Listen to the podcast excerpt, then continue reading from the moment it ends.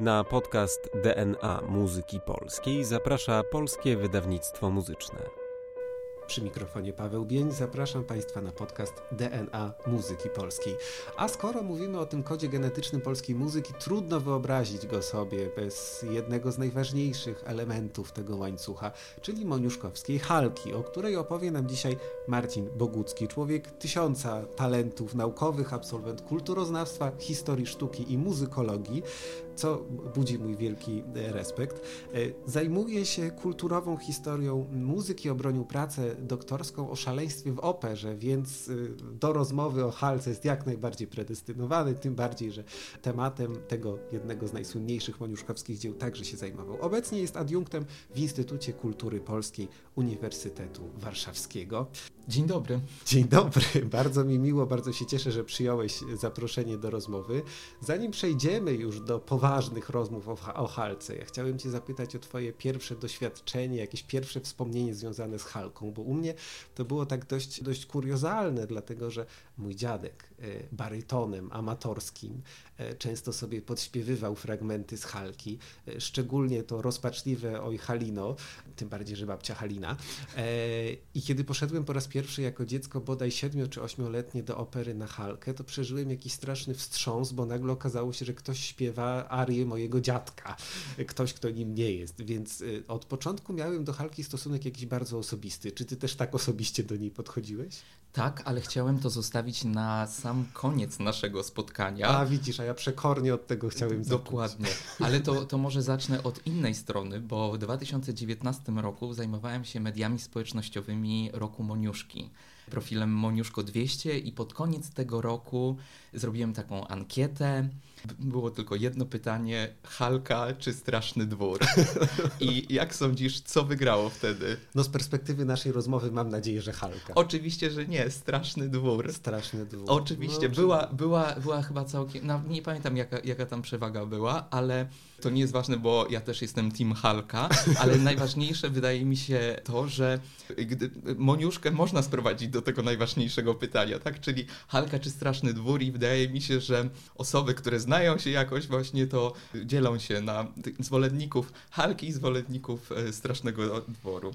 Czyli gdybyśmy zadali pytanie, idąc dalej tym tropem, Halka i Straszny Dwór kontra cała reszta Moniuszkowskiego dossier, mm. to wynik mógłby być druzgocący. Znaczy tak jest, no to, to są dwie najbardziej popularne opery i na razie nic się nie, nie zmienia, tak? Czasem hrabina się pojawia, czasem no tak. paria, ale to są pojedyncze wystawienia i właśnie z reguły rocznicowe, więc jeśli już to Halka albo Straszny Dwór to są e, dwa tytuły Moniuszki w obiegu, które ciągle się pojawiają. No tak, Fabio Biondi próbował mhm. wskrzesić Flisa, próbował wskrzesić mhm, y, Verbum Nobile tak. przecież z Olgą Pasiecznik, tak. zresztą bardzo bardzo, bardzo to było dobre moim mm -hmm, zdaniem wykonanie, mm -hmm. ale jednak Halka wygrywa. No to mm -hmm. jak to się w ogóle stało, że Moniuszko napisał Halkę? Historia jest skomplikowana i musimy zacząć w latach 40., żeby skończyć w latach 50. albo 60. Bo wieku XIX. Wieku XIX, 1800 wszystko, tak? Będziemy mówić tutaj o 1800 dla, dla pewności. Moniuszko mieszkał w Wilnie i poszukiwał librecisty, bo interesował się operą i chciał właśnie skomponować jakieś większe swoje po, poważne dzieło. W Wilnie nikogo takiego nie znalazł. Próbował pisać do Kraszewskiego, próbował pisać do Fredry, ale oni nie byli zainteresowani współpracą. Ale był w Warszawie, Moniuszko w 1946 roku i tam poznał Włodzimierza Wolskiego, poetę z kręgu cyganerii warszawskiej, który właśnie napisał swój poemat Hal, Halszka, który nie został wydany ze względu na e, cenzurę, ale no, ta współpraca trwała aż do 1848 roku, kiedy to powstała pierwsza wersja opery w Wilnie, która została, to była wersja estradowa tak naprawdę. Tak, tak naprawdę wszystko odbyło się w salonie Millerów, czyli teściów Moniuszki w Wilnie, takimi siłami amatorsko-zawodowymi wileńskimi.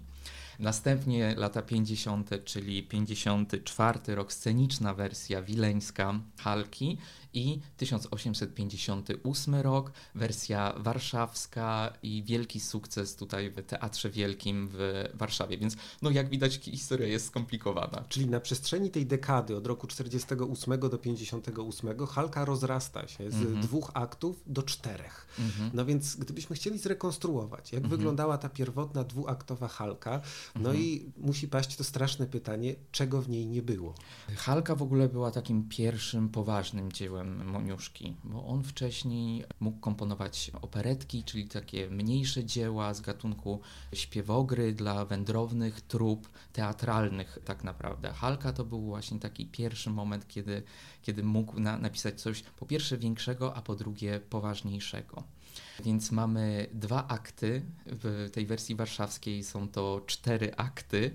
I może czego nie ma w tej wersji wileńskiej, to nie ma tam poloneza i arii Stolnika z pierwszego aktu oraz arioza Janusza. Nie ma także Mazura z pierwszego aktu. Nie ma Gdyby rannym słonkiem Arii Halki z drugiego no aktu. No nie. nie ma. Nie ma tańców góralskich z trzeciego aktu i nie ma, uwaga, Dumki Jątka z czwartego. E, Czyli jodły jeszcze nie szumią na nie, szczycie wtedy. Nie, nie, nie. Właśnie mniej właśnie jest popisowych numerów tutaj Bardziej właśnie te e, ustępy churalne są ważniejsze i jakieś pojedyncze ustępy śpiewane solowe. Ale to, co próbował uzyskać Moniuszko, to pewną zwartość dramaturgiczną i dramatyczność samej akcji. W tej wersji warszawskiej chodziło o coś innego. Chodziło bardziej o widowiskowość i chodziło o podkreślenie tego kolorytu lokalnego, bo tak naprawdę już w latach 40. Moniuszko miał obiecane, że Halka zostanie wystawiona w Warszawie. To się nie udało. Dopiero właśnie interwencja Józefa Sikorskiego, a później Jana Quattriniego, dyrektora Teatru Wielkiego, sprawiły, że mogła Halka w Warszawie zostać wystawiona, ale Moniuszko pisał właśnie, żeby nie wystawiać tej wersji z 48, bo on już jest bardziej doświadczony doświadczony, ale wydaje mi się, że też wiedział, że innego utworu będzie, będzie e, chciała publiczność warszawska. I no i publiczność warszawska się zakochała w tym dziele, bo Wileńska no nie za bardzo. Były tam nawet oskarżenia o to, że, e, że to jest niepatriotyczne dzieło. Niepatriotyczne ze tak. względu na krytykę szlachty, tak? Do, że tutaj warstwy uprzywilejowane do, dokład, oberwały. Dokładnie tak. Chyba nie trzeba streszczać tutaj fabuły Halki, ale nie wiem, czy znasz sketch kabaretu Potem, dotyczący Halki. Tak, Halka u cenzora, Moniuszko u cenzora. Tak. I u, uwaga, tam jest streszczenie Halki, które brzmi on ją kocha, ona go zdradza. Oczywiście wszystko kończy się źle. I to się jest e, na, najkrótsze, najkrótsze możliwe, Ale możliwe streszczenie Halki. Wiele XIX-wiecznych oper dałoby się sprowadzić do, do, do, tego kluczowego zdania. Tak. On ją kocha, ona go zdradza, kończy się źle. No przecież... Tak, tak, całkowicie tak. E, Lesław Czapliński mówi o Halce jako o niewinności uciśnionej i zestawia ją z Madamą Butterfly na no przykład. Właśnie. Więc to jest jakby motyw operowy, który bardzo często się pojawia. Moniuszko przecież inspirował się niemą Sportici opera, operą z lat dwudziestych, gdzie, gdzie też właśnie główna, główna bohaterka umiera na koniec i jest właśnie tym symbolem niewinności uciśnionej. No ja chciałem Cię jeszcze zapytać o te tańce góralskie, mm -hmm. bo y, pamiętam pierwszy raz, kiedy y, już jakoś bardziej świadomie Halki słuchałem, te tańce góralskie wydały mi się rażąco niegóralskie. No Aha. gdybyśmy je zestawili na przykład, no nie wiem, no już z tymi późniejszymi dziełami typu Harnasie Szymanowskiego, -hmm. czy, czy, czy, czy, czy, czy Wierchy Malawskiego, no to -hmm. widzimy, że jednak ta audiosfera góralszczyzny jest tutaj potraktowana -hmm. jeszcze, je, mhm. jeszcze dość umownie. W Parii chyba są tańce cygańskie, o ile się nie mylę i też chyba ta stylizacja jest taka bardzo jeszcze odległa. Jakimi środkami Moniuszko ewokuje tę góralskość tańców góralskich? Znaczy, trzeba sobie uświadomić, że jest to koloryt lokalny, ale całkowicie przefiltrowany przez tę konwencję operową XIX-wieczną. Jakby nie mamy tutaj do, do czynienia z jakimś etnograficznym tak, szukaniem tak. melodii i, czy w instrumentacji, chociaż te, tam są, są jakieś elementy. Wydaje mi się, że pojawia się czasem burdon taki, tak. ale nie jest, nie jest to na, na pewno etnograficzna precyzja, tak bym, to, tak bym to powiedział. To jest, to jest koloryt lokalny, ale przefiltrowany właśnie przez te konwencje operowe XIX-wieczne. Tak samo dumka jątka też jest bardziej wschodnia niż, niż góralska, tak, tak. więc no, mówi się właśnie o, o Moniuszce jako o ojcu polskiej opery narodowej, ale warto się zastanowić, co to znaczy tak naprawdę i jak używa tych, tych środków muzycznych. Czyli ta operowa licencja poetyka tutaj też bierze w nawias pewne, pewne moniuszkowskie rozwiązania. Mm -hmm. Mnie bardzo zdumiało to, co powiedziałeś o tym przyjęciu Halki w Wilnie, mm -hmm, że ona tam początkowo nie cieszy się jakimś -hmm. spektakularnym sukcesem. Mhm. Co więc sprawiło, że Moniuszko zdecydował się nie odpuścić mhm, i mhm. nadal forsować to dzieło, a wręcz jeszcze je rozbudowywać? Czy może właśnie paradoksalnie w drugą stronę to rozbudowanie Halki wynikło z tego, że on zdał sobie sprawę z pewnych mankamentów? Jak, jak, jak to widzisz? Jakbyś interpretował tego decyzję? To znaczy, na, na pewno, tak jak już wspomniałem, pisał o tym, żeby nie ruszać tej wersji z 1948 roku i żeby, żeby jednak czekać na, na tę wersję bardziej rozbudowaną, ale właśnie wracając jeszcze do, do, do samego libretta, bo Tutaj historia też jest skomplikowana. Mamy Włodzimierza Wolskiego, który pisze swój poemat, ale on też się inspirował wcześniejszą nowelą Wójcickiego z 40 roku i trzeba powiedzieć, że dlaczego w ogóle cenzor nie puścił tego poematu Wolskiego? Bo on był właśnie mocno, mocno dotykał tej kwestii krytyki społecznej, czyli mamy tutaj ewidentną klasową opozycję między właśnie klasą tą ludową i szlachtą, ale też ważny był tu anturaż romantyczny i taki anturaż grozy, który, który się pojawia, który znika w tej wersji operowej, a już warszawskiej to w ogóle, bo ta historia z Wolskiego z poematu jest częściowo inna. Tam, tam, tam się pojawia duch matki Halki, który mówi, co tak naprawdę się stało z Halką, a co się stało, że tak naprawdę to teściowa doprowadziła do jej zabójstwa i jej dziecka, które miała z Januszem. Na końcu Janusz zabija swoją matkę. Więc to, to, jest w ogóle inna historia, która jest w Halce. Dużo bardziej uładzona, no ze względu też na 1846 rok i rabację galicyjską, to, to co się stało właśnie w tym y, zaborze austriackim. Więc to, co próbuje robić właśnie Moniuszko i Wolski, to odchodzić od tego romantycznego sztafarzu, który jednak się pojawia czasem, w stronę jakby to nazwała Ewa Partyga, która te, też pisała o, o, o Halce, y, takiej biedermajerowskiej właśnie bohaterki, więc w tę stronę idą wszystkie zmiany. No to jest fascynujące, mm -hmm. jak sobie pomyśleć, że być może gdyby upłynęła kolejna dekada, Moniuszko zrobiłby halkę sześcioaktową i wtedy jeszcze z tym duchem matki. Już wyobrażam sobie Barbarę Zagórzankę, która śpiewa te arie matki powracającej. No, byłoby to na pewno szalenie efektowne, ale ta halka dwuaktowa, przed którą, tak jak mówisz, Moniuszko się bardzo wzbraniał, mam wrażenie, że dzisiaj się broni, bo przecież parę lat temu w Teatrze Wielkim Operze Narodowej Agnieszka Glińska wyreżyserowała Halkę mm. Wileńską. Nie wiem, czy widziałeś to? Mm -hmm. Tak, tak, jasne. No oczywiście, jasne, no tak, to, to było niemądre pytanie z mojej strony, oczywiście, że widziałeś. No, ja pamiętam, że byłem jakoś szalenie tym podekscytowany i -hmm, właśnie taka jakaś jędrność mhm, tej mhm. dramaturgicznej tkanki w, w dwuaktowej Halce była zaskakująca. I nawet bez tego Mazura i bez jodeł szumiących na górszczycie mhm. okazało się, że to nadal ma, ma, ma sens. Mhm, mhm. czy Moniuszko, rozszerzając y, mhm. operę do czterech aktów, zmieniał coś w tych partiach, które już były, czy, czy to było tylko dodawanie, taki model a, a addycyjnego mhm, powiększania? Mhm.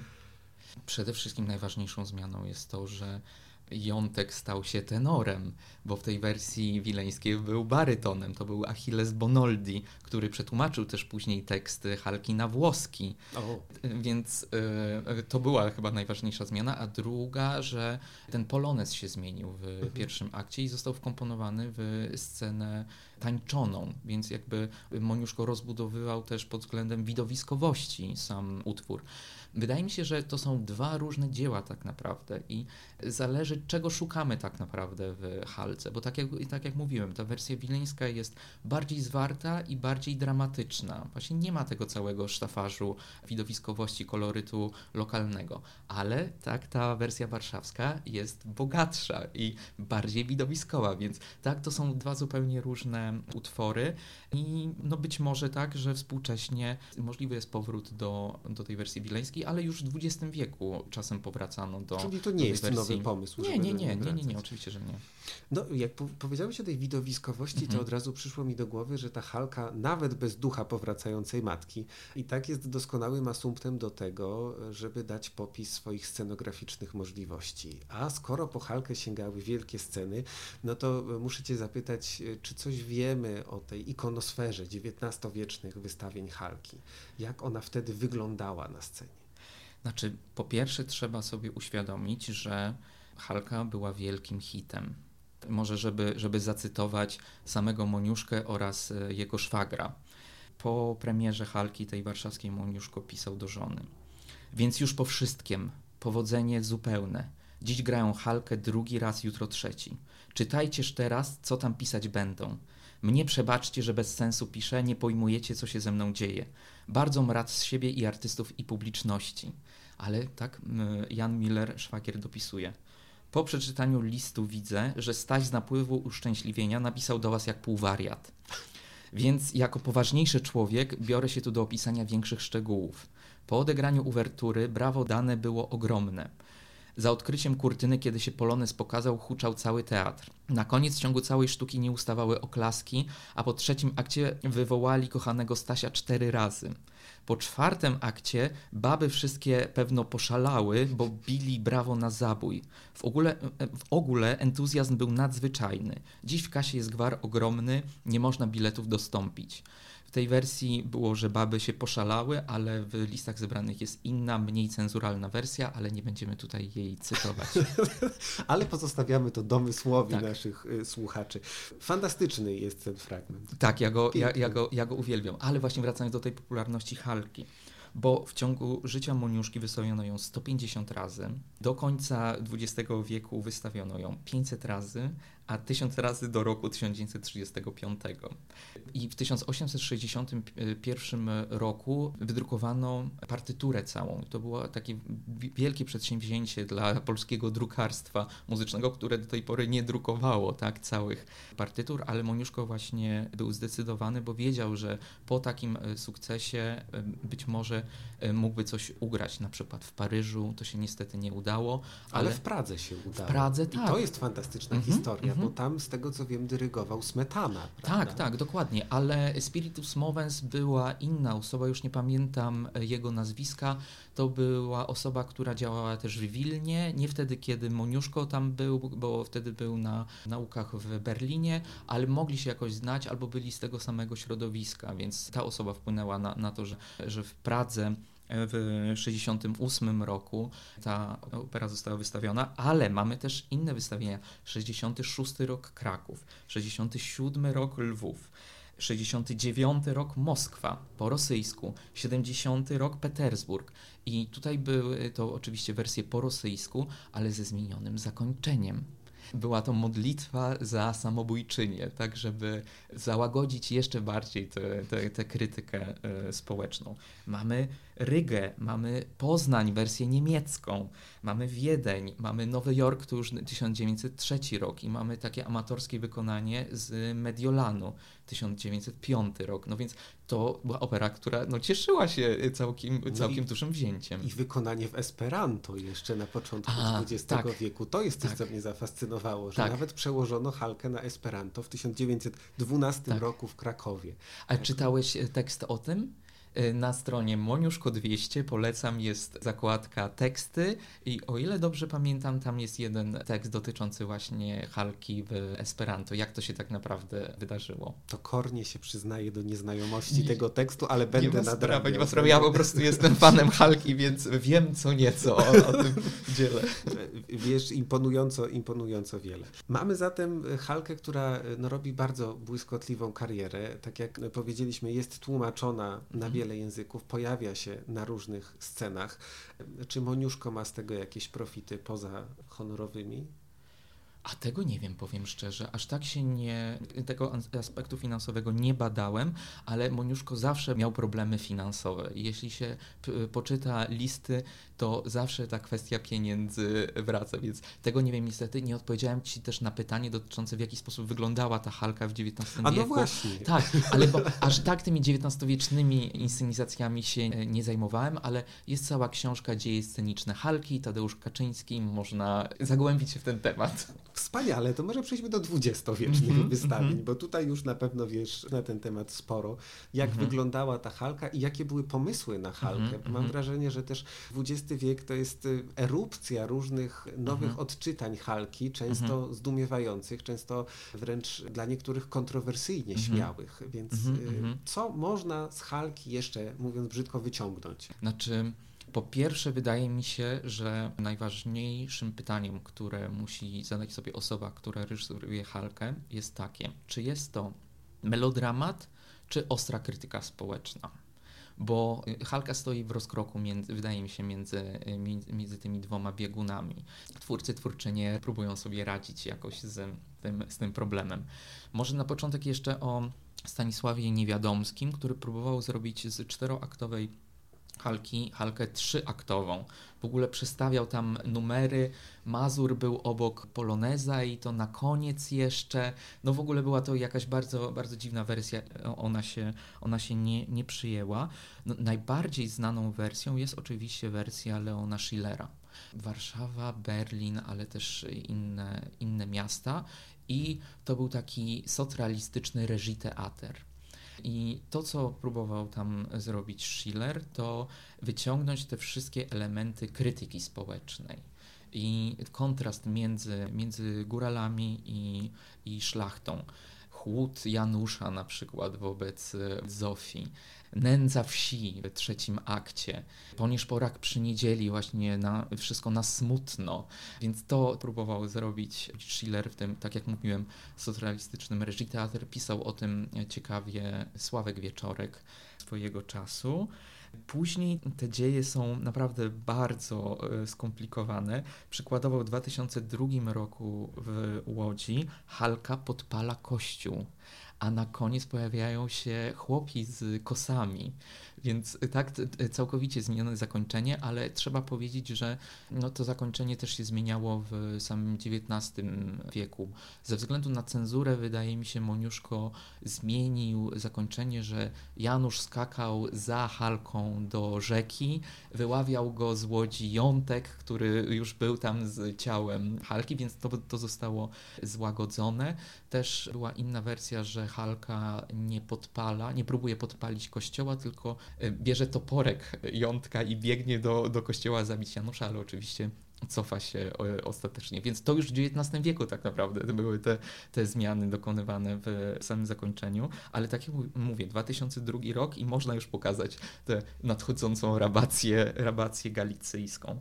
Historia z Marią Fołtyn jest bardzo ciekawa, bo Maria Fołtyn, śpiewaczka zwana wdową po Moniuszce, czasem e, niekiedy była śpiewaczką, ale później także reżyserką, która propagowała bardzo Moniuszkę wszędzie. Kuba, Meksyk, Turcja. I ta wersja meksykańska się kończyła tak, że Jątek zamachuje się ciupagą na Janusza. A dlaczego? Dlatego, że w tej kulturze maczystowskiej nie zrozumiano by tak naprawdę zakończenia, więc reżyserka Maria zmie- zmieniła to zakończenie. No to takie prób, próbka tylko. To, to, to jest fascynujące, jak Mhm. bardzo podatna jest Halka Mhm. na, na różne alternatywne zakończenia. Tak, i e, no bo każda epoka ma tak naprawdę swojego Moniuszkę. Pisał już o tym Jarosław Mianowski, o trzech kręgach recepcji Moniuszki, więc tak każda epoka ma swojego Moniuszkę. No i jeszcze y, była taka bodaj poznańska wersja, y, w której pojawiają się nawiązania też do ikonosfery obrazów Jacka Malczewskiego, gdzie mamy jątka Aha. y, z rogami bodaj, Aha. tak? Ale to tak, tak, ale to nie jest pierwsza e, taka e, wersja z Malczewskim, bo już w tej warszawskiej halce Natalii Korczakowskiej z Teatru Wielkiego. Tam Dudziarz jest przemieniony w takiego fauna, jak z obrazów Jacka Malczewskiego. Ta wersja Korczakowskiej była całkowicie współczesna, to znaczy szlachta to byli tacy noworysze, którzy starają się y, poszukiwać swoich korzeni szlacheckich, więc to było ciekawe, ale z drugiej strony ta cała góralszczyzna właśnie była wyjęta jak z e, takiego skansenu trochę, to jest zgrzebna koszula jątka, albo właśnie z takiej symboliki Malczewskiego, więc tam trochę nie wiadomo było na, na czym polega ten konflikt. W przypadku Passiniego i tej, e, tej Halki Tutaj w ogóle było odwołanie do takich przedchrześcijańskich tak naprawdę mitów, czyli Halka wpisująca się w tę mitologię kobiety, która składa się w ofierze za ceny porządku społecznego, więc Passini szukał właśnie w takich przedchrześcijańskich w ogóle, też, też w sztafarzu takim. Jątek był właśnie nie góralem, tylko jak, jakąś dziwną personą właśnie z rogami, nie wiadomo było tak naprawdę jakiego to on świata przychodzi. No te podróże w czasie y, czasami docierały mhm. i w czasy późniejsze niż czasy moniuszkowskie, bo mhm. w jednej z wrocławskich wersji mhm. Halki Grażyna Szapołowska mhm. reżyserując przeniosła akcję do dwudziestolecia międzywojennego. Tak, tak. Tutaj mamy inny pomysł. Grażyna Szapołowska wszystko właśnie zrobiła w sepi, tak? Scenografia, kostiumy były całe w sepi, było tylko parę takich momentów z kolorem i też druga reżyserska strategia, którą wybrała, czyli wszystko się dzieje w górach tak naprawdę. Tutaj problemem jest to, że nie mamy tego kontrastu y, dwór, wieś, tak? Wszystko się dzieje w górach, a to jest trochę clue całej opery, więc wydaje mi się, że to, co próbowała zrobić Szapołowska, to cyfrowo zrekonstruować trochę ten e, spatynowany obraz Halki, ale tak jak mówię, że nie poszła ani tą drogą ostrego dramatu społecznego, ani właśnie ten melodramat jakoś tam nie, nie został wydobyty, więc Taką mam wątpliwość. Taka tutaj. bardzo salonowa to była. Tak, tak, tak, ale ładna w ogóle i tak dalej. Tak, więc... ona, tak ona była bardzo estetyczna. Tak, estetyczna. Też, też tak ją wspominam. -hmm. Więcej tego jest jeszcze. Właśnie tak myślę, że, że naprawdę jest sporo, ale jest tak. jeszcze jedna, o którą -hmm. Cię chciałem zapytać. Mhm. E, swego czasu, kiedy studiowałem w Instytucie Kultury Polskiej, w mhm. którym wykładasz obecnie, mhm, pamiętam jak rozmawialiśmy na temat Halki, która została e, przeniesiona poza kontekst europejski, e, czyli Halka Haiti. Tak, to jest y, projekt City Jaspera i Joanny Malinowskiej, o ile to dobrze pamiętam. Projekt na Biennale w Wenecji dla pawilonu polskiego, który był pokazywany też później w Zachęcie. Taka wielka projekcja. O co tam chodziło? Chodziło o przeniesienie Halki, tej takiej tradycyjnej z kontuszami i tak dalej, do Kazal, do polskiej wioski na Haiti, gdzie żyją potomkowie polskich legionistów, którzy walczyli w XIX wieku o wyzwolenie San Domingo czyli e, obecnie Haiti. I jest nam e, bardzo żywe to, to wspomnienie pomocy w ogóle polskiej dla Haiti. Wiadomo, w, w podobnej sytuacji politycznej wtedy znajdowała się Polska i, i San Domingo. I mieszkańcy Kazal czują się właśnie Polakami. I to, co, co e, próbowała zrobić Jasper i Malinowska, to skonfrontować co to tak naprawdę znaczy polskość we, we współczesnym świecie. I właśnie film jest próbą przeniesienia Halki w, w to miejsce, czyli e, Kazal. Solici byli z Polski. Paweł Passini e, zajął się reżyserią tego plenerowego spektaklu. Orkiestra, o ile dobrze pamiętam, pochodziła z Port-au-Prince i była lokalna. Taki był koncept ale żeby jeszcze powiedzieć o innych, na przykład teatralnych projektach, niedawno Halkę wystawiała Anna Smolar w Starym Teatrze w Krakowie. To też był bardzo ciekawy spektakl, bardzo długi, dwuczęściowy, którym pierwsza część to jest rekonstrukcja tak naprawdę fabuły Halki, ale taka z brechtowskim efektem obcości i pokazania tych wszystkich klisz melodramatycznych, a druga część to jest, to jest ciąg dalszy Halki, ale w którym Halka nie umiera, rzuca się do wody, ale, ale nie umiera, więc to jest ciekawe, jak mocno ciągle rezonuje jakaś, znaczy Halka we współczesnej świadomości. Żeby może jeszcze jeden cytat tutaj dać. Bardzo prosimy Doroty Masłowskiej, e, e, która napisała rap inspirowany Halką do programu tej Halki Korczakowskiej, o ile dobrze pamiętam. Tutaj fragment refrenu.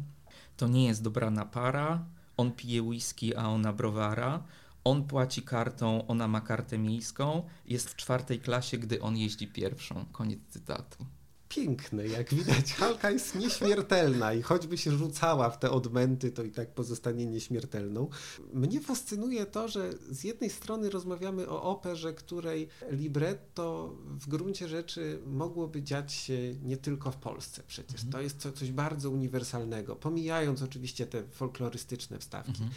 A z drugiej strony jednak ta Halka stanowi jakiś taki konglomerat różnych fantazmatów na temat polskości. Przecież te Jacki Malczewskie mhm. pojawiające się tutaj, ten mhm. Mazur. Ja nawet dzisiaj jadąc na naszą rozmowę pomyślałem sobie, tak słuchałem Halki i kiedy zaczął dudnić ten Mazur, mhm. pomyślałem sobie, że kiedyś Podobno Woody Allen powiedział, że jak słucha Wagnera, to ma ochotę mhm. najechać Polskę, więc pomyślałem sobie, że gdyby Allenowi włączyć Mazura z Halki, to pewnie zmieniłby front i to prędko.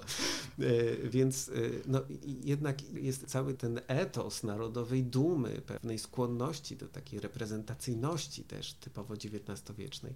Więc mhm. E, jak to jest z tą uniwersalnością i, i polskością Halki? Bo to wydaje mi się jakiś fascynujący paradoks, który tutaj tkwi. Mhm. Bo już na przykład w Strasznym dworze tego nie ma, prawda? Mhm, no tam już mhm. jest jednak wybitnie polsko i to mhm. nasączenie aluzjami na każdym kroku, no kto z mych córek, serce które i tak dalej. No a tutaj jednak y, cały czas gdzieś krążymy między tymi dwoma biegunami. Znaczy to jest związane, wydaje mi się, z recepcją Moniuszki w drugiej połowie XIX wieku. Polecam właśnie rozdział Halka, czyli kobieta w książce Ewy Partyki Wiek XIX przedstawienia, o ile dobrze pamiętam, można znaleźć ją w sieci. Może o samej, o samej książce, bo Partyga tam się zajmuje teatrem XIX wieku, ale nie jakby w tym porządku e, sprawy narodowej czy jakichś innych, tylko właśnie bardziej spraw e, społecznych. Każdy rozdział to jest jedno przedstawienie, które zajmuje się jakimś aspektem społeczeństwa XIX wieku emancypacją Żydów, emancypacją chłopów, emancypacją kobiet i właśnie Halka, czyli kobieta. I tutaj e, e, po pierwsze Partyga pokazuje, w jaki sposób Moniuszko był wpisywany w ten aspekt e, narodowy, czyli Moniuszko jako piewca polskości i pie, piewca swojskości tak naprawdę oraz pokazuje, jak bardzo uniwersalnym typem jest Halka, jest E, ona właśnie taką przedstawicielką melodramatycznych fabuł związanych z, przede wszystkim z operą, operą XIX-wieczną, więc tak jak już mówiliśmy, jakby ten koloryt lokalny to jest tak naprawdę stylizacja, to jest coś przynależnego w ogóle operze XIX-wiecznej. I to, co jest najważniejsze, to jest uniwersalizm tej historii, dlatego właśnie tyle wystawień w bardzo różnych kontekstach.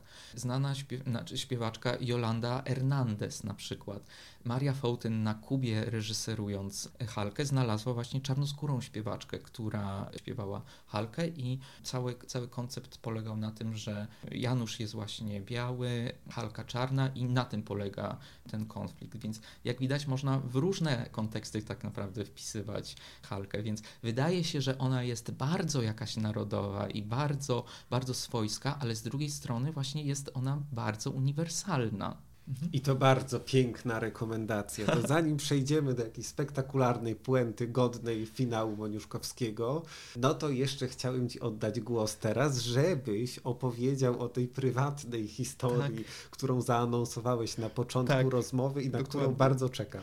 Tak, bo to jest opowieść o pierwszej halce, którą widziałem oraz mojej ulubionej halce. Czyli jest to spektakl Mary Fountain, premiera 95, teatr wtedy chyba zwany narodowym, ale wiadomo, chodzi o teatr wielki w Warszawie. Możesz się zdziwić, ja jestem wielkim fanem teatru reżyserskiego, ale ta halka wydała mi się najlepsza. Znaczy, po pierwsze działa tutaj pamięć i jako dziecko byłem zafascynowany tym światem wykreowanym na scenie, ale po drugie wydaje mi się ciekawe to, że Fountain idzie właśnie w tę stronę melodramatu i moim zdaniem w tę stronę powinno się, się iść. I Glińska na, na przykład idąc właśnie bardziej w stronę krytyki społecznej i pokazywania Halki jako współczesnej histeryczki, że to nie do końca właśnie odpowiada temu zamysłowi Wolskiego i, i Moniuszki. Może jeśli chodzi o poemat tak, ale nie już nie, nie jeśli chodzi o libretto. Ale wracając właśnie do, do, do Fountain, bo to jest bardzo konserwatywne przedstawienie, ale bardzo spójne które właśnie stawia na tę widowiskowość, to znaczy tańce góralskie z gwizdami, tak? E, jest nagranie Antoniego Wicherka live do, do posłuchania, gdzie nie słychać tak naprawdę tych tańców góralskich, bo wszystko przesłania ten cały soundscape e, gwizdanie. Choreografia Janusza Józefowicza. Dodajmy, tak, lata 90., metro i tak dalej, to, to jest hot nazwisko. Halka na koniec naprawdę skacze z tej skały do rzeki z krzykiem jeszcze. To też jest na, e, na nagraniu. I wydaje mi się, że to jest właśnie, to, to było takie doświadczenie, które mia, mogła mieć też ta publiczność warszawska w 1858 roku. Melodramat, widowiskowość to, to wydaje mi się, że, że udało się e, Fountain w tej, w tej inscenizacji. Brzmi fascynująco. Bardzo dziękuję. No o ile dla Halki czas okazał się łaskawy, to dla nas niestety łaskawy nie jest, bo już musimy kończyć. Dlatego bardzo serdecznie e, dziękuję, parafrazując Wolskiego, że rzuciłeś splendor na mój domek, więc tutaj na ten nasz podcastowy domek splendor niewątpliwie rzuciłeś. Serdecznie dziękuję. Moim i Państwa gościem był Marcin Bogucki, adiunkt w Instytucie Kultury Polskiej Uniwersytetu Warszawskiego. Bardzo dziękuję, dziękuję bardzo, bardzo dziękuję. Wydawcą podcastu DNA Muzyki Polskiej jest Polskie Wydawnictwo Muzyczne. Zapraszamy na kolejne odcinki oraz do śledzenia naszych mediów społecznościowych.